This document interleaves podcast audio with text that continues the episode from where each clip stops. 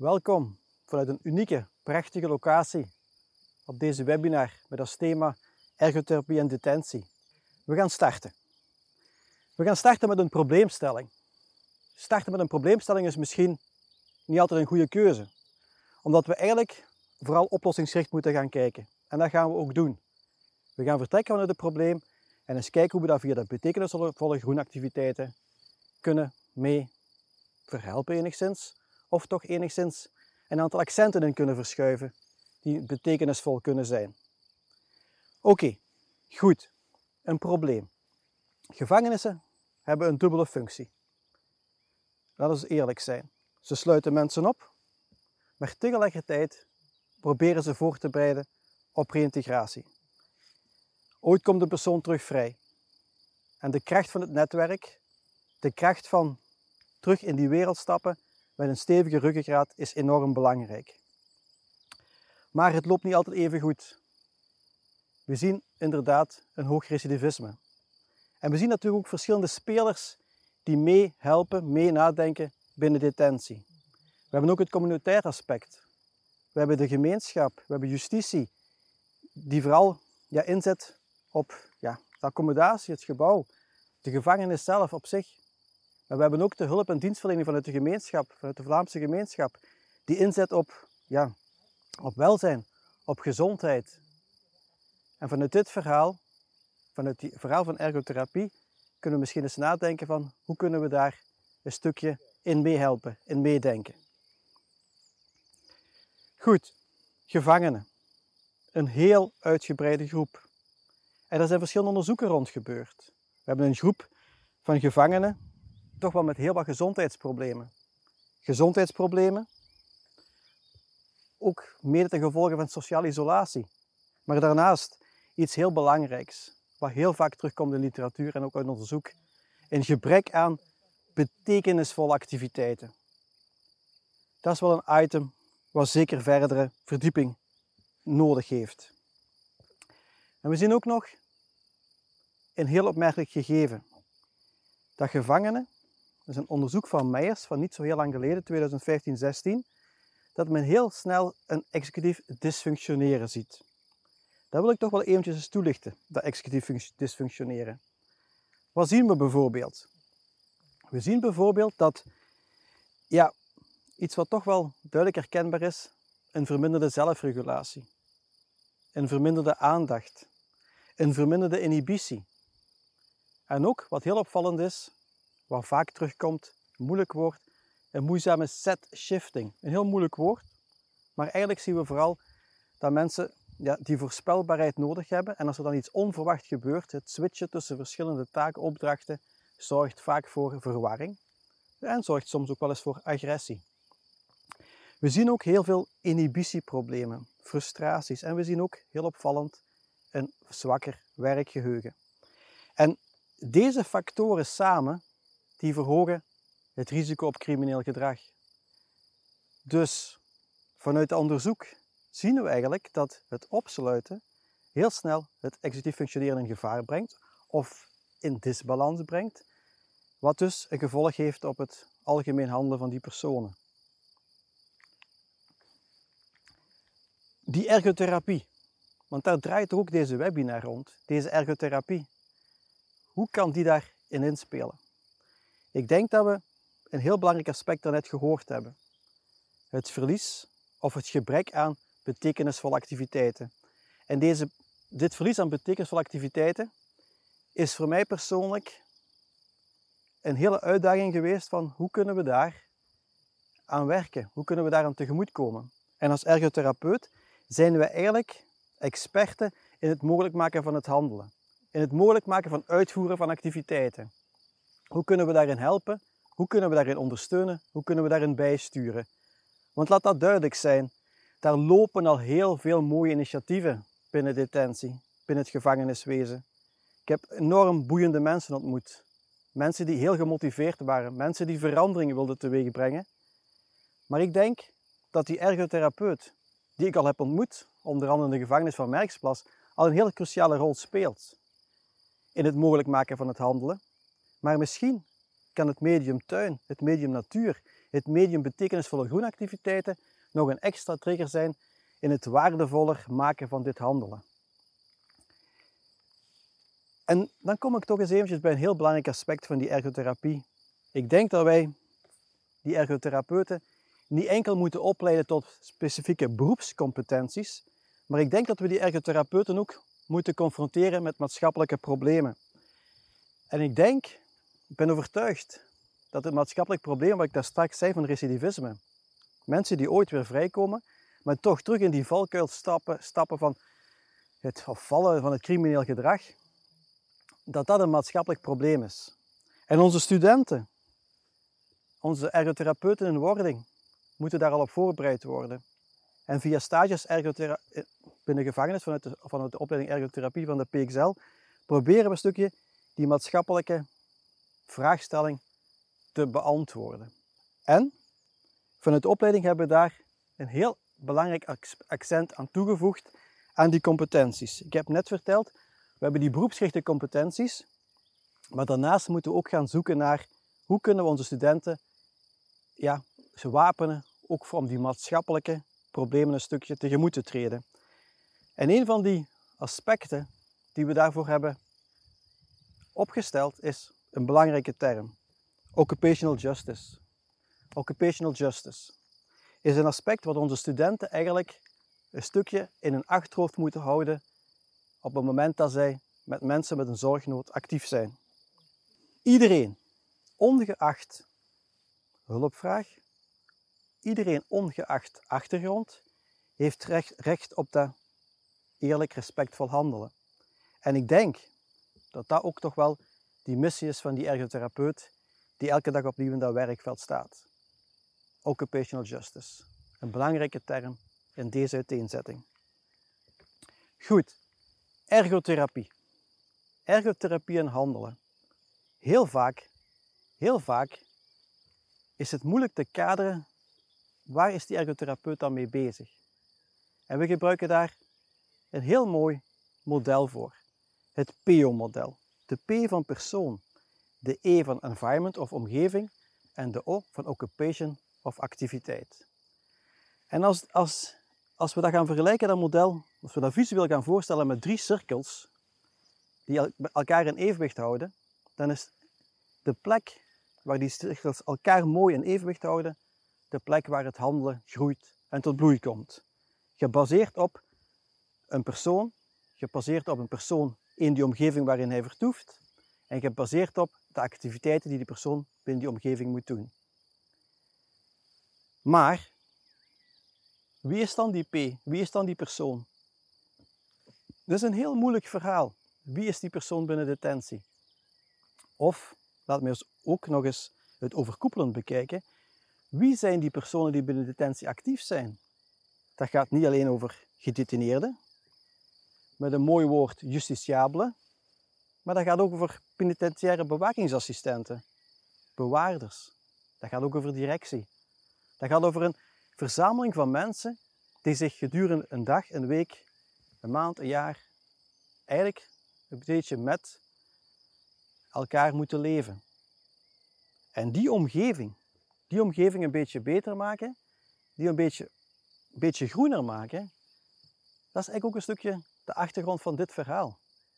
Dus we focussen niet alleen op die persoon die gedetineerde, maar we gaan ook focussen op het geheel waarin die gedetineerde en andere mensen dag in dag uit actief zijn. Als we inzoomen eens op het profiel van die persoon. Die persoon, laten we toch eens eventjes focussen op de gedetineerde.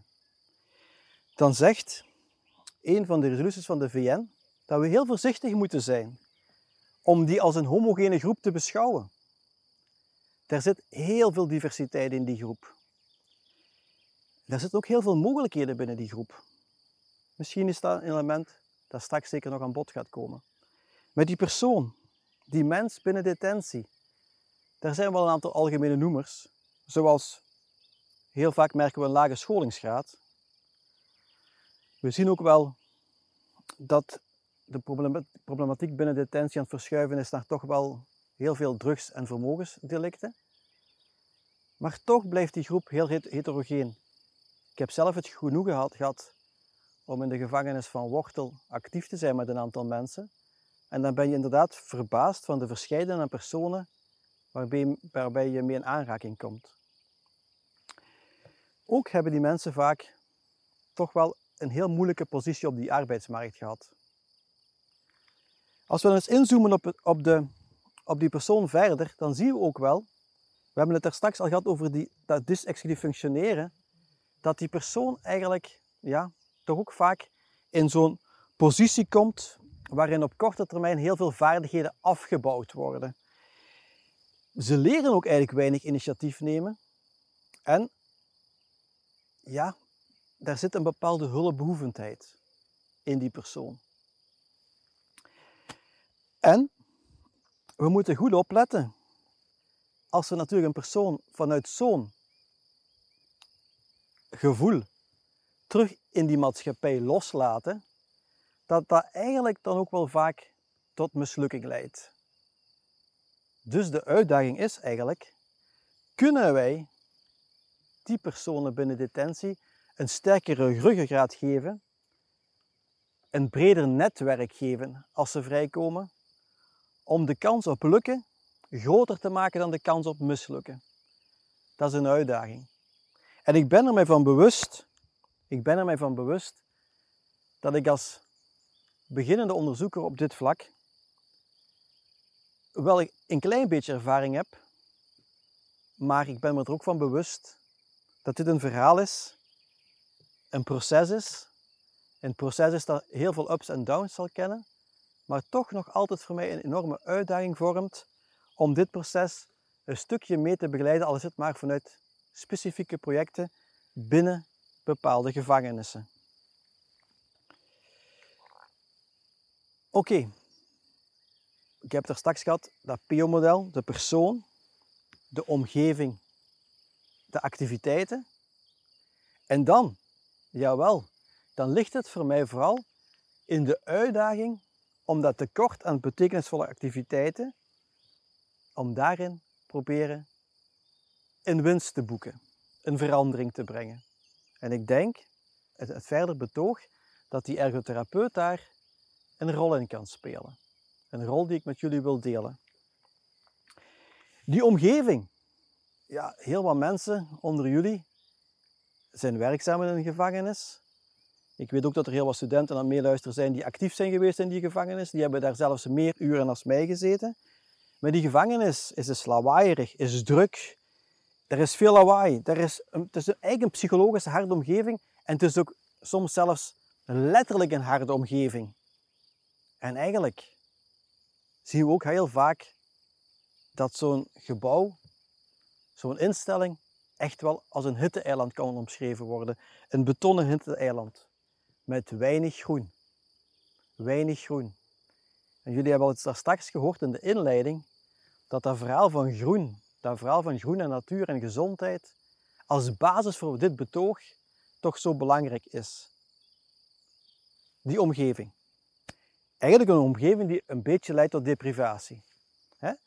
De wandeling is wel eens een beetje buiten komen, maar leidt niet echt tot ontdekking, tot inspiratie. Is vaak een stukje waar het bewustzijn van mensen niet aangescherpt wordt, maar bij ze letterlijk wel eens eventjes losgelaten worden of eens gelucht worden. Ik heb eigenlijk al heel wat mensen ontmoet binnen die gevangenissen. Ik heb eigenlijk ook een heel plezante ergotherapeut, een heel gedreven ergotherapeut ontmoet. En ik heb ook eens polshoogte genomen van de mensen binnen detentie. Eigenlijk doet men al verschillende zaken rond die betekenisvolle activiteiten. Dus ik wil zeker ook niet vertellen dat er nog niets gebeurt.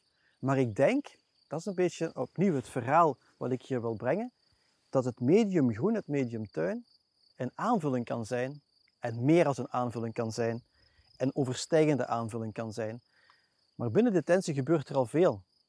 We werken, daar wordt gewerkt aan arbeidsintegratie, daar wordt gewerkt aan het trainen van bepaalde skills, daar wordt gewerkt aan het proces om tot een, een arbeidstoeleiding te komen. Daar zijn werkhuizen.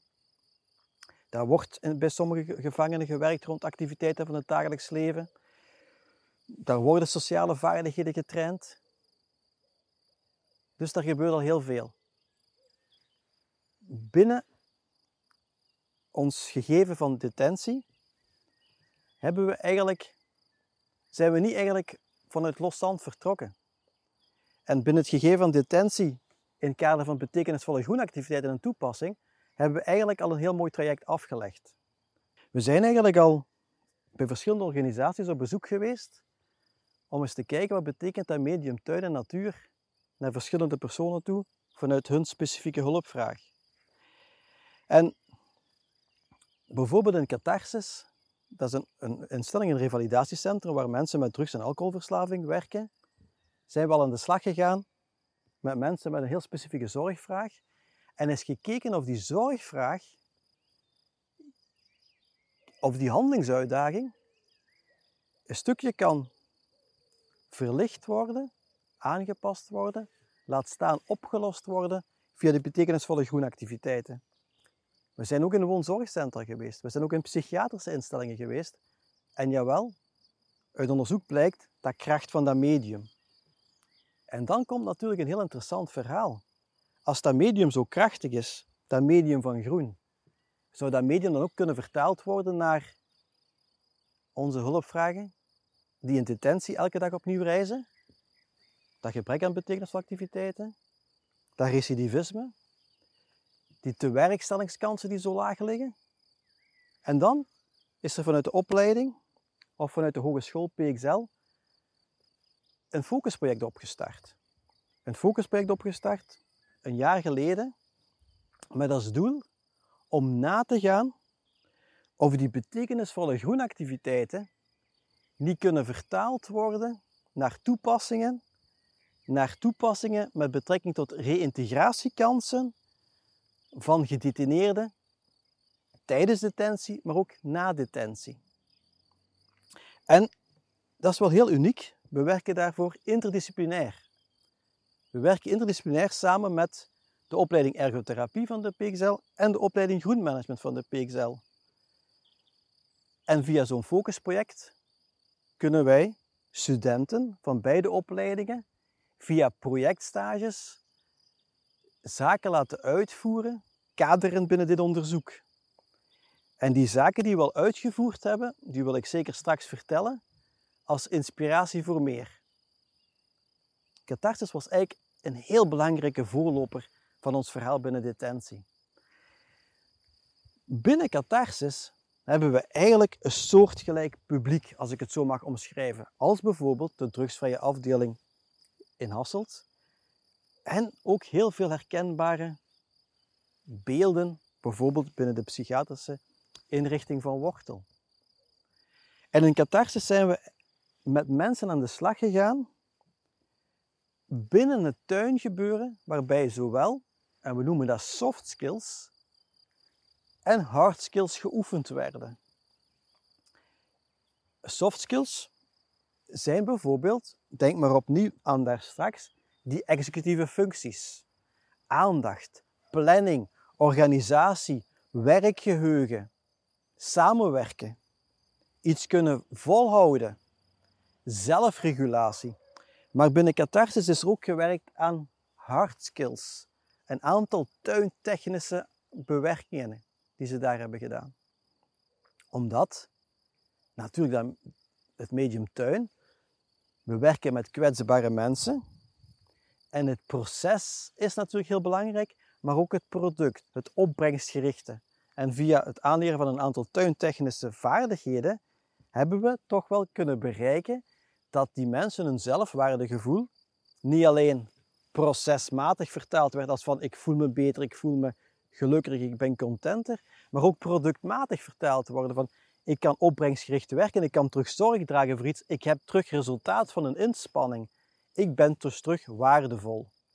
En dat woordje waarde, dat heeft een heel mooie betekenis gekregen en dat hebben we ook vertaald in een werkwaardelijst.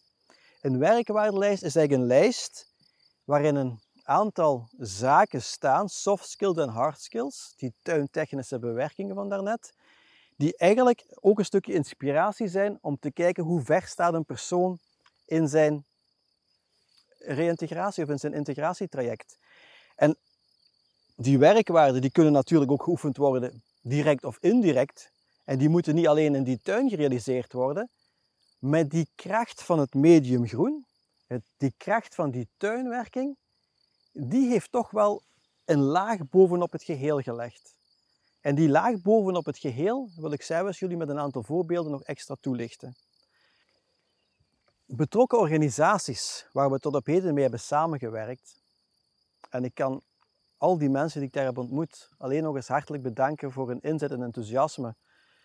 Onder andere de gevangenis van Leuven. Mevrouw Koeken is elke dag opnieuw, elk gesprek opnieuw een inspiratie voor onze werking, voor ons handelen. We hebben ook samengewerkt en we werken ook samen met de gevangenis van Hasselt, waarbij we met directies en, en, en penitentiaire bewakingsassistenten regelmatig rond de tafel zitten, maar ook met gedetineerden, maar ook met gedetineerden. En dat is een heel belangrijk gegeven in het verhaal van, van, van. In Wortel zijn we ook actief. Ook daar ga ik zelfs nog wel voorbeelden van vertellen. Want naast catharsis is wortel toch ook wel de grote springplank geweest voor ons ergotherapeuten binnen het verhaal van detentie vanuit de opleiding. En nu, daar is interesse. We zijn onlangs op bezoek geweest in Merksplas. We gaan binnenkort naar Oudenaarde. We gaan nog op bezoek in Brugge.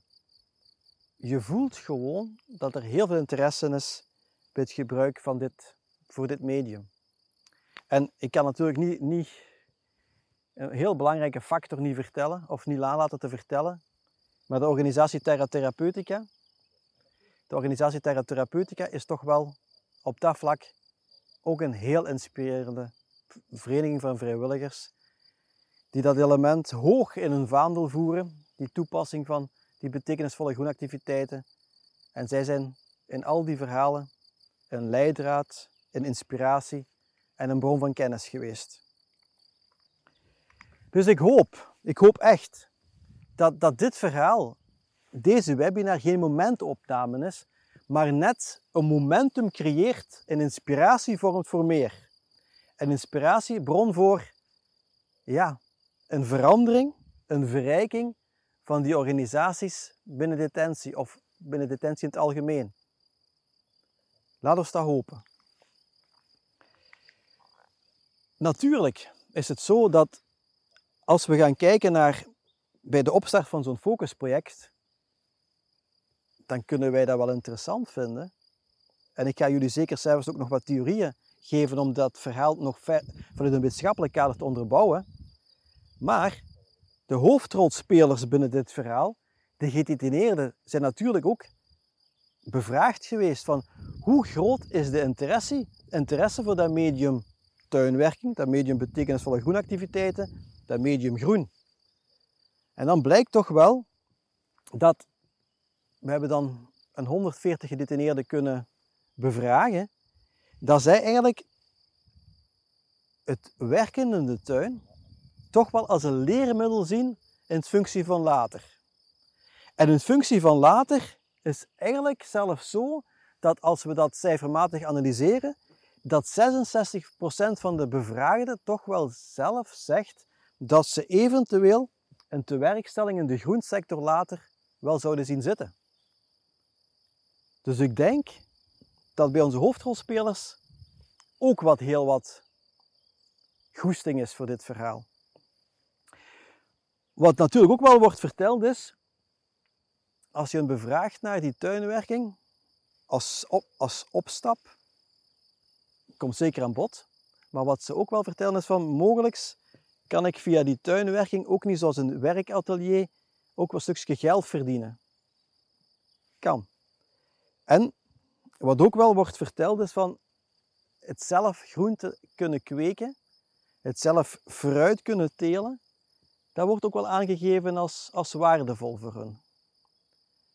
Maar nog eens opnieuw, 66% van de gedetineerden, vanuit die bevraging weliswaar een relatief klein aantal, maar desalniettemin, toch 66% als steekproef kan dat toch dienen dat, kwantitatief aantal van 140.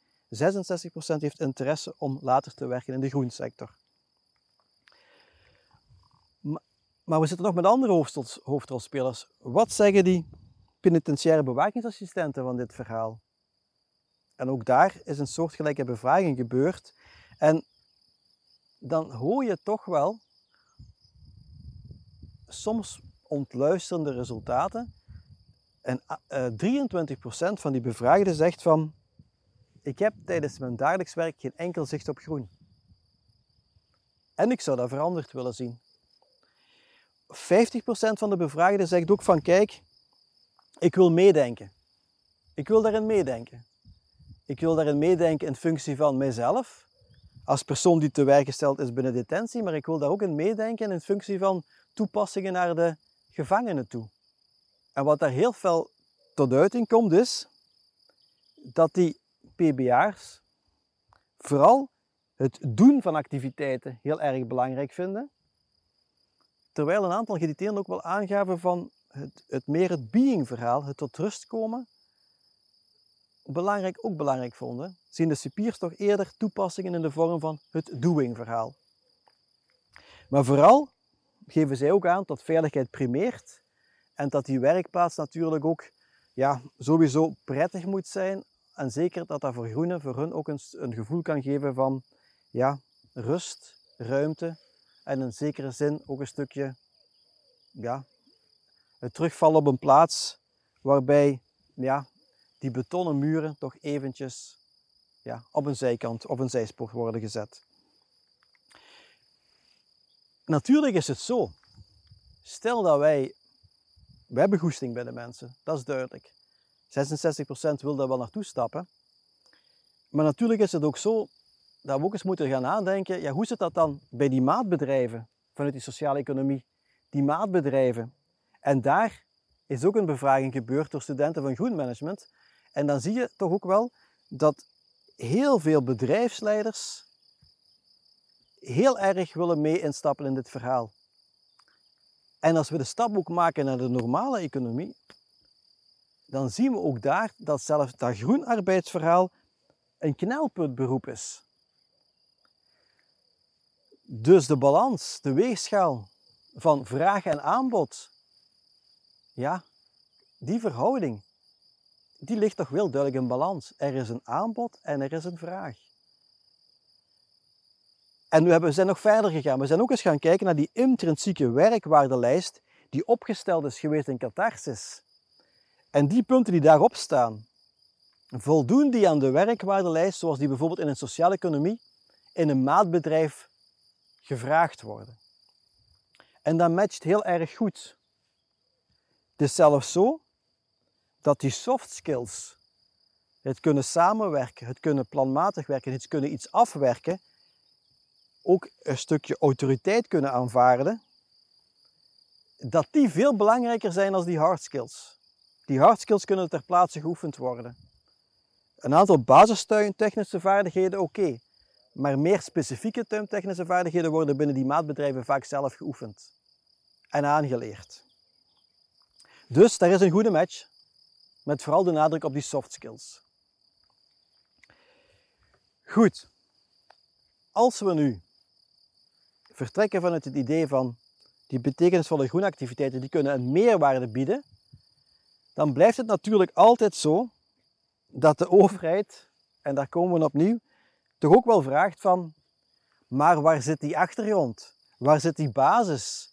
Heb je daar al wat feiten van? Heb je daar al wat wetenschappelijke bewijzen van? En die zijn er. Die zijn er. Die zijn er direct en die zijn er indirect. Jullie hebben allemaal de afgelopen maanden wel, denk ik, de waarde van natuur ontdekt. En jullie hebben de afgelopen maanden regelmatig, denk ik, eens het gevoel gehad van ik moet hier uit die vier, ik moet die vier muur, verlaten, ik moet eens naar buiten kunnen gaan. Die zijn er. Dat zijn die indirecte effecten. Maar er zijn ook directe effecten. Men heeft in 2003 in Engeland, in Groot-Brittannië, 140 instellingen bevraagd. Om eens na te gaan wat zijn de effecten van betekenisvolle groenactiviteiten binnen detentie voor onze personen. En daar komen eigenlijk heel, heel leuke dingen uit. Daar staat bijvoorbeeld dat betekenisvolle groenactiviteiten sowieso de omgeving verrijken. want je hebt enerzijds het doing gedeelte, maar je kan natuurlijk geen activiteiten doen zonder in een tuin. Dus het being gedeelte, de tuin zelf, is er ook. En alleen al die, die, die omgeving, die groene omgeving, die verrijkte omgeving is een meerwaarde. Er zijn duidelijke studies dat gedetineerden die uitkijken op een groene omgeving, dat daar minder agressie voorkomt. Er zijn duidelijke gegevens dat gedetineerden die uitkijken op een groene omgeving, dat er minder stress aanwezig is. Dus die kracht van de medium groen natuur als basis, wat ik eerder aanhaalde, is ook binnen detentie van toepassing. En is dat niet normaal? Want het gaat natuurlijk ook over, over mensen zoals jij en ik. Hè? Maar de grootste effecten dat uit die studie naar voren komt, is echt toch wel dat de grootste winst te vinden is in die trainen van die persoonlijke vaardigheden, in het trainen van die sociale vaardigheden, in het trainen van die soft skills. Dus opnieuw, dat medium tuin, dat medium tuinwerking, dat nodigt uit tot het werken binnen die tuin, maar ook tot het trainen van soft skills die belangrijk zijn in functie van onder andere reïntegratie. Met betrekking tot beroepsvaardigheden. En het is ook heel duidelijk dat die buitenlandse studies ook aangeven, en nu kom ik opnieuw bij die verzamelnaam van executief functioneren, dat op vlak van executief functioneren er op korte termijn al relatief snel beterschap is in het herwinnen van die vaardigheden. En we komen ook bij een algemene term die aangehaald wordt in aantal studies. Het welbevinden neemt toe. Maar het welbevinden dat is zo een verzamelnaam voor van alles. Maar het welbevinden is eigenlijk ook heel extra geëxploreerd in een studie in 2005, ook weer opnieuw in, de, in Groot-Brittannië.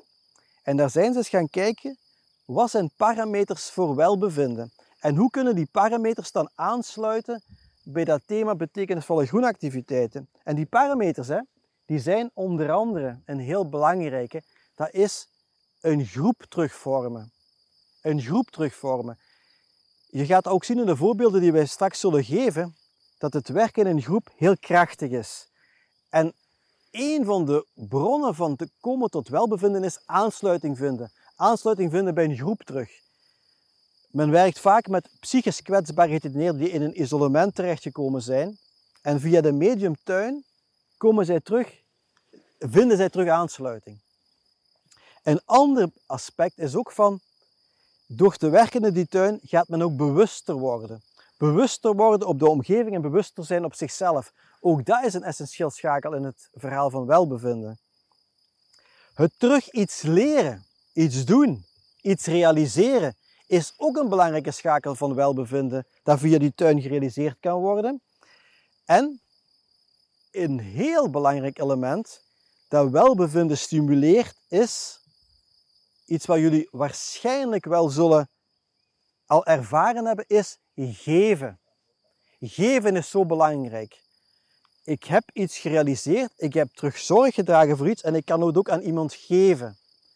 Ik heb dat in Wortel heel mooi gezien van die eerste oogsten die dan werden gegeven aan bijvoorbeeld de kinderen die op bezoek kwamen. Dat, beste collega's en beste luisteraars, beste kijkers, die elementen, dat terug aansluiting vinden, dat leren, dat bewuster worden, dat kunnen geven, dat zijn allemaal sleutelwoorden die dat welbevinden ja, kanaliseren en stimuleren. En die, die aspecten die zijn via de, dat medium tuin, via de medium tuinwerking, via betekenisvolle groenactiviteiten eigenlijk heel erg belangrijk. En dat komt uit die studies. Dat komt heel duidelijk uit die studies naar voren. En ik heb echt niet de bedoeling om hier zo een ganse verzameling van studies aan te halen. Maar als jullie echt daar meer rond willen weten, Therapeutica heeft een heel toffe brochure geschreven over groen en detentie. Die is ook uh, gepubliceerd geweest tijdens de studiedag in november. En die kan je daar altijd vragen. En dan kan je heel wat heel duidelijke, boeiende artikels vinden over um, het aspect ja, tuin, tuinwerking, verrijkte omgeving en zo verder. Invloed op het slaap-waakritme, invloed op ja, diverse aspecten binnen het algemeen handelen van personen. Als we dan die achtergrond weten, dat wetenschappelijk karakter weten, ja, dan lijkt het toch wel interessant dat dat verhaal van tuintherapie, tuintherapie, het woordje therapie, is soms wel een woord dat soms wel voor verwarring zaait. En ik ga straks, als ik verschillende aspecten van groen toelicht, ook het element therapie een beetje verduidelijken. Maar ik ga u toch nog eventjes meenemen in het verhaal van, ook wat in de literatuur dan staat, van kijk, die tuinwerking, die tuintherapie binnen detentie, wat is dat dan? En tuintherapie, dat is een definitie. Dat is een, dat is een, een professioneel uitgevoerde behandelingsmethode die eigenlijk die gebruik maakt van groenactiviteiten. Niet zozeer als een doel, maar als een middel. Hè? Het is niet de bedoeling dat wij die plant doen groeien, maar het is de bedoeling dat wij die mens doen groeien via het gebruik van die planten. En een onderdeel van die tuintherapie is vocational horticulture. Vocational horticulture, beroepsgerichte tuintherapie. En het is dit verhaal wat ik een stukje met jullie vandaag aan het bespreken ben. Beroepsgerichte tuintherapie als training van vaardigheden, soft skills en hard skills tijdens detentie, maar ook eventueel na detentie binnen onder andere maatbedrijven. En nu gaan sommigen van jullie waarschijnlijk zeggen: oude wijnen, nieuwe zakken? Tuintherapie, betekenisvolle groenactiviteiten binnen detentie. Dat was er vroeger toch ook al? En eigenlijk klopt dat wel. Vroeger binnen detentie, ik ben uh, geweest in Wortel, een oude landloperskolonie, ligt in een heel uitgestrekt gebied. En inderdaad, vroeger waren er heel veel landbouwactiviteiten binnen detentie, maar dat was vooral productief gericht. Dat was niet zozeer procesgericht. En die landbouwactiviteiten die waren vaak monotoon en dat was stevig hard werken. Dwangarbeid. Maar het was alleszins toch stevig en hard werken. Natuurlijk is het verhaal van tenieren als vocational therapy iets anders en beoogt eigenlijk het trainen van arbeidsattitudes en ook het, het probeert resocialisatie te bewerkstelligen. Dus als je terug zou redeneren van oké, we gaan weer terug naar die, uh, naar die landbouwactiviteit, vanuit die eeuwenoude traditie van vroeger, dan zijn er wel wat raakvlakken, maar toch ook heel grote verschillen. En dan komen we eigenlijk tot een belangrijk thema. Dat groen. En, en dat groen, dat kunnen we dus gebruiken als, als therapiegroen, als gebruikersgroen als, en als zichtgroen. Maar ik weet, ik heb discussies gehad met een aantal collega's in het werkveld, dat ze niet zozeer houden van die termen. Dat dat zo wat verwarring zorgt. En ik, ik ben eens gaan kijken wat onze noorderburen daar rond schrijven. En zij spreken over de terminologie van productief groen. En dat is eigenlijk in 2021, dat is dus heel recent, is er een nota geweest, verdieping leefklimaten in justitiële inrichtingen. En daar wordt productief groen eigenlijk heel mooi omschreven. Als bron van toepassing, als bron van verrijking en als bron van, ja, ook over, als, een, als een overstijgend karakter. En ik ga daar iets meer over vertellen. Maar zij zeggen wel, de bron is betekenisvol groen, vaagt, vergt interactie en levert een product op, maar vervult tegelijkertijd ook een doel voor die gebruiker. Dat is eigenlijk de definitie van hun voor productief groen. Dus er is een interactie, het is een middel, het levert een product op, maar tegelijkertijd vervult het ook een doel voor die gebruiker. En dat is eigenlijk wat we als ergotherapeut, maar ook als behandelaar, als welzijnswerk voor hebben. Het moet een bepaald doel bereiken.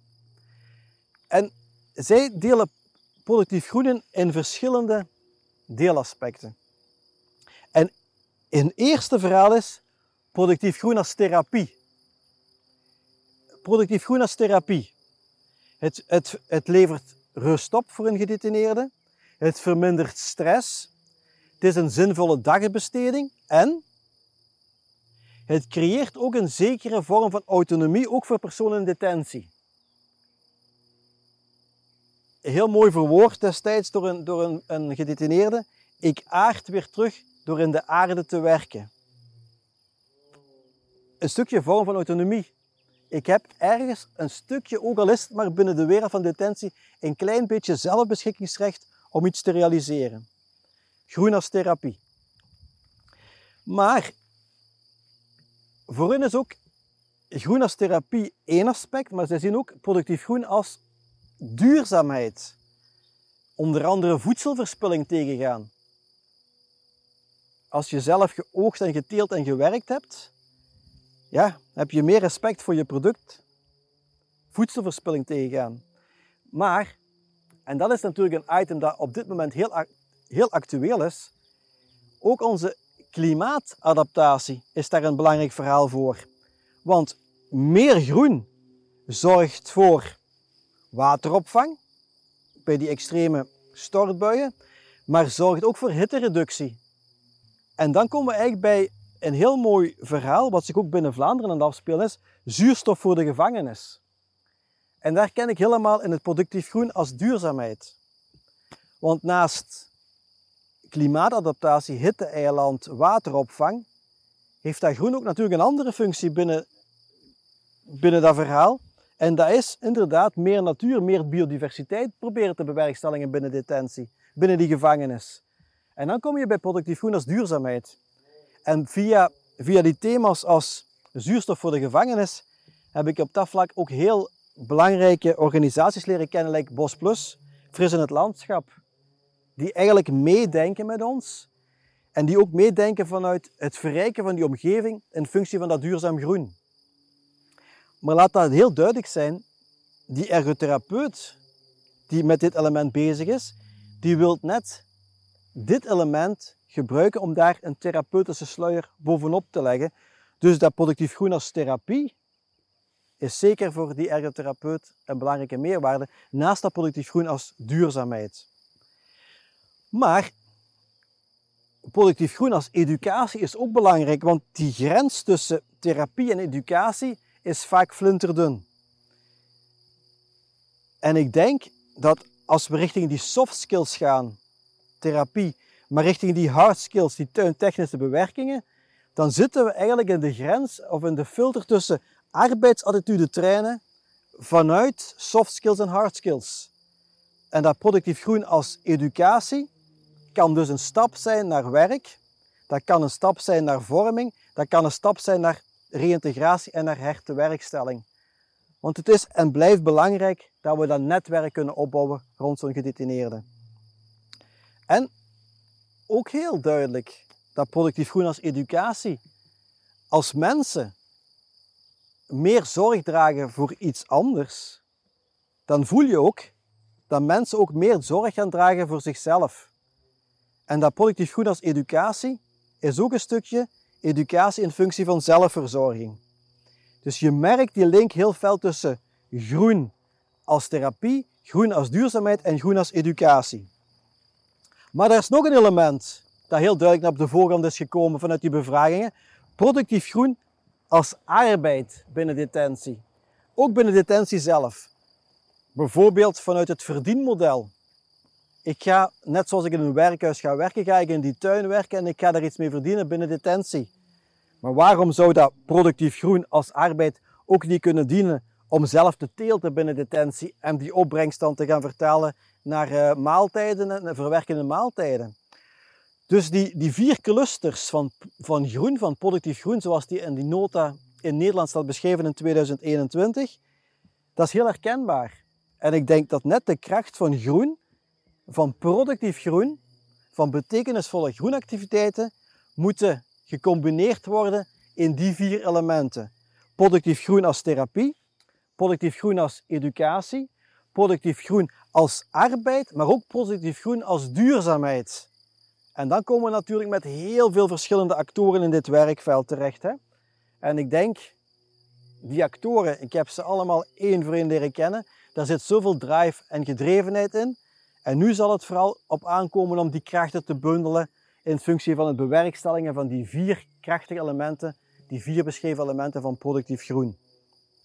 We hebben het daar straks eventjes gehad dat, dat ja, overheid, andere organisaties vaak zeggen van waar zit die evidence? En ook voor die ergotherapeuten onder ons is het evidence-based werken zo belangrijk. Het zoeken naar bewijskracht. We hebben die bewijskracht gevonden in, in inderdaad, in internationale literatuur. En we hebben natuurlijk ook wat bewijskracht gevonden in kleinschalige projecten. Maar het is heel duidelijk dat de valkuil vaak van die kleinschalige projecten, dat die vaak gebaseerd is op vrijwilligers, dat die vaak gebaseerd is op persoonlijk engagement, maar dat die soms nog te weinig rijkwijde hebben naar meer en naar duurzaamheid toe. En dat is soms ook wel eens de valkuil van dat groenverhaal. Dat men eigenlijk wel dingen wil realiseren, maar de continuïteit, de duurzaamheid niet altijd ja, gewaarborgd kan zijn. En daarom, en dat vind ik zo mooi aan dit focusproject, hebben we eigenlijk in gevangenissen zelf een aantal projecten kunnen uitwerken. Om toch al een stukje ja, de kracht van dat productief groen te illustreren met, voor en tussen mensen. En waar, hebben, waar zijn we al actief geweest? Ik heb ze dan straks al beschreven. Maar nu ga ik eens inzoomen op wat er specifiek gebeurd is. Om daar eens met jullie over mee te denken. En in alles, in alles wat er gebeurd is, in die mooie samensmelting tussen detentie, welzijn, justitie, studenten, ergotherapie, studenten, groenmanagement en de vrijwilligers die daar betrokken zijn, in al dat verhaal, in al die verhalen is er één groot sleutelwoord. En dat is participatie. Dat is co-creatie. Dat is co-creatie van alle betrokkenen. Dat start met, dat start, de participatie start bij het ontwerp, dat, dat, dat gaat door bij de aanleg en dat gaat door bij het onderhoud van die tuin. Dus participatie. Mensen laten meedenken en de kwaliteiten benutten van de mensen die betrokken zijn bij zo'n project, dat is een ontdekkingstocht. En dat is een ontdekkingstocht die alleen maar tot een goed einde kan komen als er participatie is. En dat participatief ontwerp, dat ga je zien, dat is van toepassing geweest op al die plaatsen waar we actief zijn geweest. En participatie is niet top-down, participatie is niet bottom-up, participatie is van iedereen. Van alle betrokkenen bij dit proces. Iedereen heeft daarin zijn sterkte. Iedereen heeft daar ook zijn zwakte.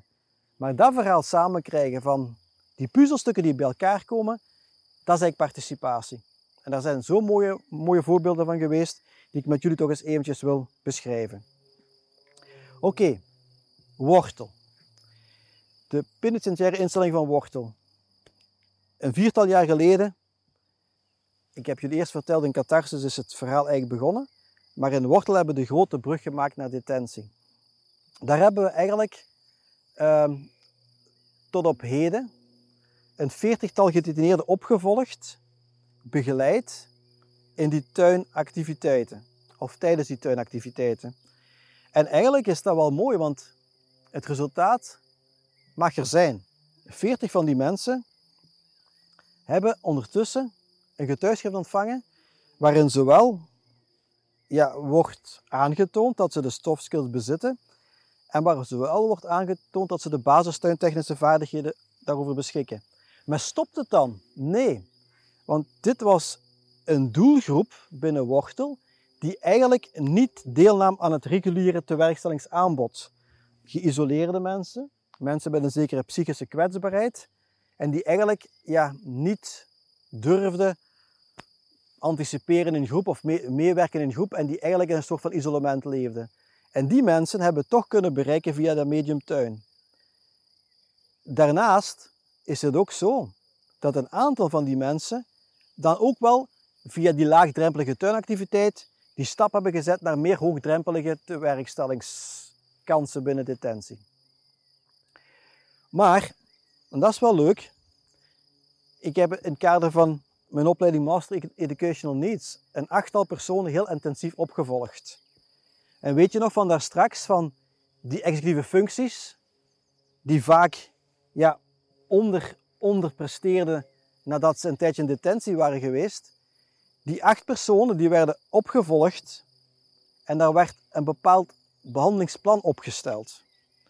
Een studentenergotherapie en een plaatselijke vrijwilliger, Frans. Ik hoop dat Frans nu ook meer luistert, want dan kan ik langs deze kant ook nog eens mijn appreciatie uiten voor zijn harde werk daar. Um, die, die, die acht mensen zijn gedurende één jaar heel intens opgevolgd. En je weet daar straks, en je hebt het woord al gehoord, ik heb het heel vaak over betekenisvol. Maar wat is betekenisvol? En via de BAM, de betekenisvolle activiteitenmethode, die opgesteld is door collega's van Artevelde Hogeschool, hebben we eigenlijk interviews zodanig kunnen opstellen dat we via semi-gestructureerde interviews konden achterhalen wat zij betekenisvol voor zichzelf binnen het uitvoeren van die tuinactiviteiten. En je weet dat binnen detentie heel vaak sociaal wenselijk geantwoord werd, maar via die semi-gestructureerde interviews en ook het werken via collages, want naast verbale ondersteuning is ook wel belangrijk van die visuele ondersteuning, kregen we heel mooi een beeld wat ja, die betekenisvolle activiteiten voor hun zouden kunnen betekenen of al betekend hadden. Betekend hadden, want om de zoveel tijd mochten zij ook reflectiejournals invullen, waar zij voor zichzelf konden reflecteren van waar sta ik nu, hoe voel ik me nu.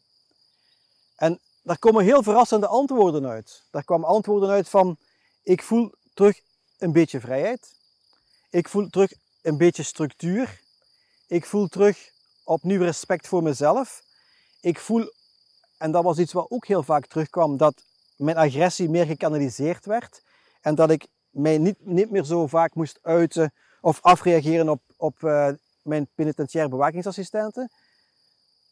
Maar er kwamen ook heel, heel verrassende dingen uit van, ik herinnerde mij terug dingen.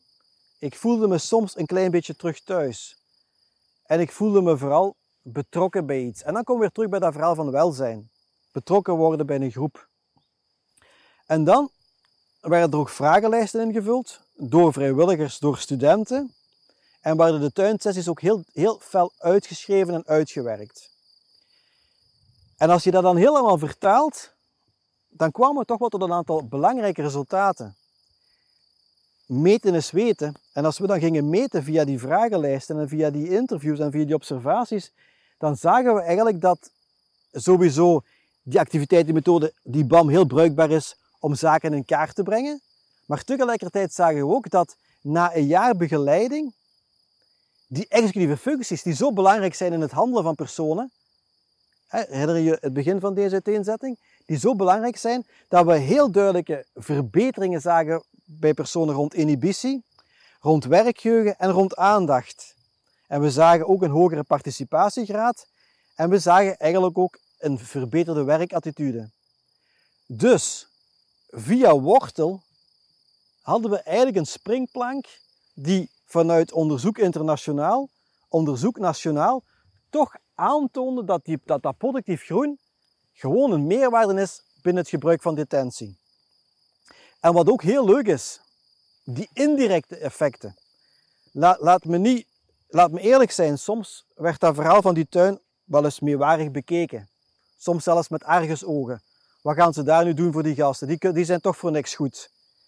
En dan zag je ook soms dat bepaalde bewaarders, zal ik ze zo noemen, in plaats van altijd het woord penitentiaire bewakingsassistenten te noemen, want bewaarders is soms een beter woord, dat, die ook, dat er ook een bepaald omdenken kwam. Amai, zie eens aan, die tuin groeit, letterlijk en figuurlijk.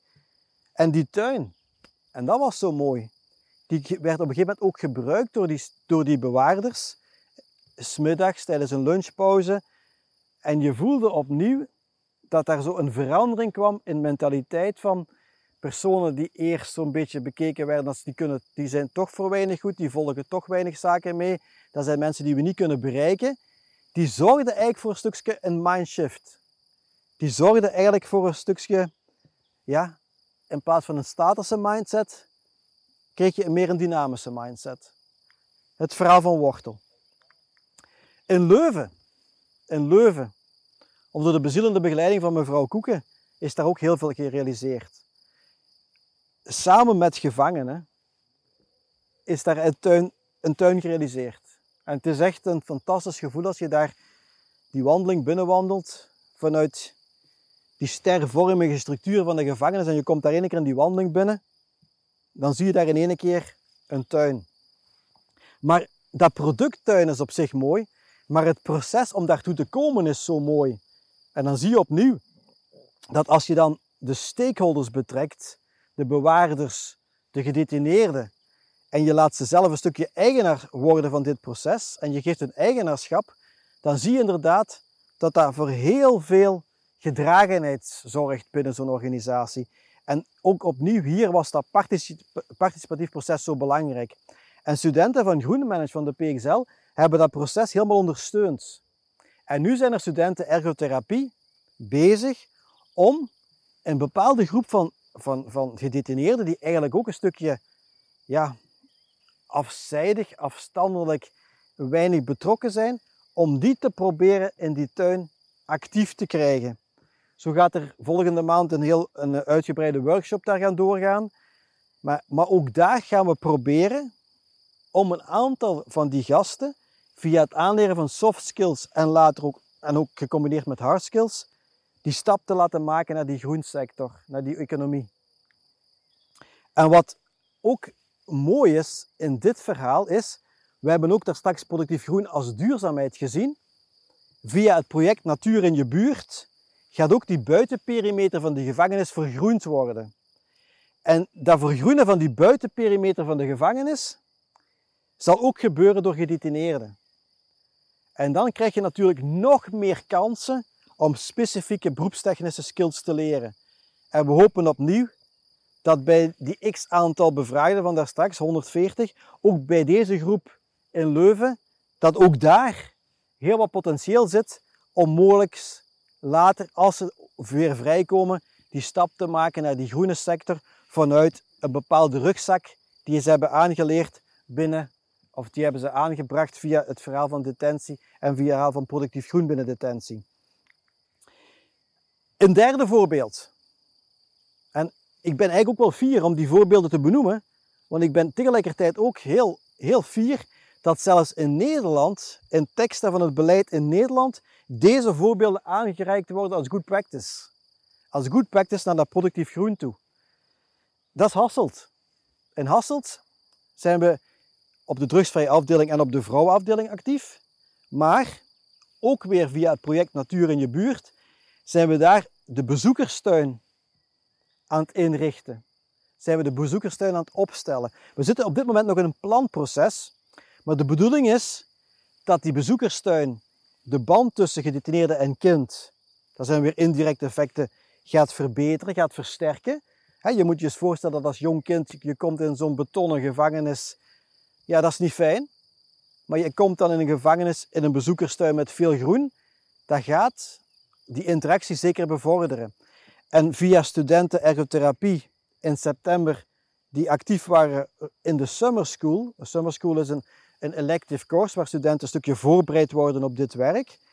Via, de, via die bevraging vanuit de summer school hebben ze gedetineerden ook gevraagd, maar ook ja, vooral ouders, hè, dus gedetineerden met een, een, zoon of dochter, van hoe zou jij dat hier zien, zien, zien, zien gebeuren of zien, zien afspelen in deze tuin? En daar kwamen dus heel leuke aspecten uit, die ook door de bewaarders, die, die betrokken zijn bij het bezoek, bij het kinderbezoek, en de mensen van welzijn die betrokken zijn bij kinderbezoek, eigenlijk wel werden herkend. En dat was vooral rustplekken, speelplekken, doelplekken, schaduwplekken. En die elementen zijn nu allemaal met elkaar verweven. En daar is op dit moment een plan uh, klaar. En ook in september zullen studenten van groenmanagement en ergotherapiestudenten dat proces mee in gang helpen eh, trekken, om dan procesmatig te begeleiden, te ondersteunen, maar vooral ook weer opnieuw die gedetineerden die skills te doen aanleren. En dat is ook belangrijk van het verhaal opnieuw van ze zijn gehoord geweest, zij zijn betrokken geweest, maar ze hebben ook een perspectief. En dat heb ik ook begrepen na het laatste overleg. Soms mag je niet te veel analytisch werken. Soms moet je niet altijd maar blijven vasthangen aan die vragen en die interviews, maar moet je vooral tot handelen komen. En soms is die termijn tussen analyse en handelen iets te lang. Ook in Hasselt is dat ook wel, mede door die corona, wel een beetje opgeschoven. We zijn nu heel blij dat we nu in september kunnen starten. Maar in Hasselt willen we nog verder gaan. We willen ook komen tot een soort van atelier, een atelierkwekerij. Een soort van werkatelier. Maar dan een atelierkwekerij, om samen met Cellmate bijvoorbeeld en de sector, de groensector, om eventueel een soort van plantenkwekerij binnen de gevangenis zelf op te starten. En dan zitten we natuurlijk heel scherp in het creëren van een brug tussen die sector detentie en die sector van de groenwerking binnen de maatbedrijven of eventueel de normale economie. En daar zullen we inderdaad via die plantenkwekerij nog meer kunnen inzetten op die soft skills, maar zelfs nog explicieter kunnen inzetten op die hard skills. En dat is een beetje het verhaal van Hasselt. En Hasselt een mooi verhaal in wording en een mooi verhaal als inspiratie voor meer.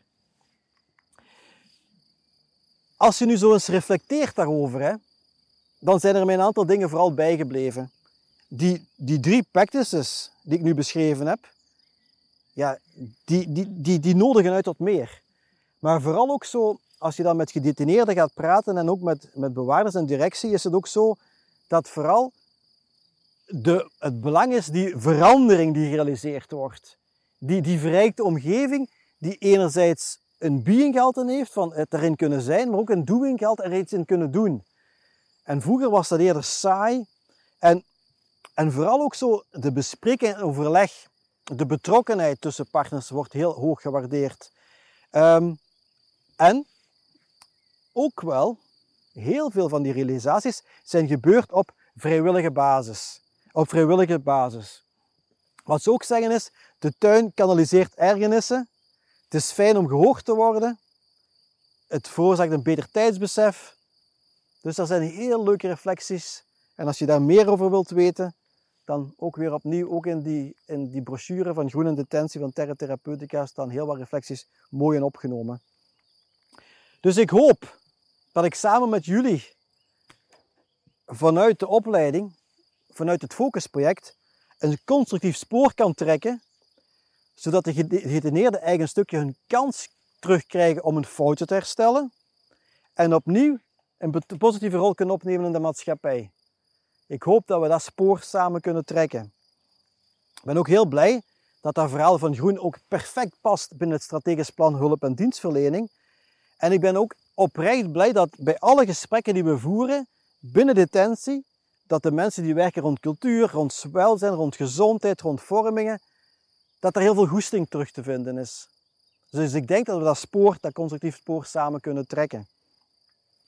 En een maand geleden was ik ook zo blij om te horen van de Vlaamse bouwmeester. Dat was een, ja, naar aanleiding van de, het gesprek met de Vlaamse bouwmeester in verband met het bouwmeesterlabel groen voor de gevangenis of zuurstof voor de gevangenis.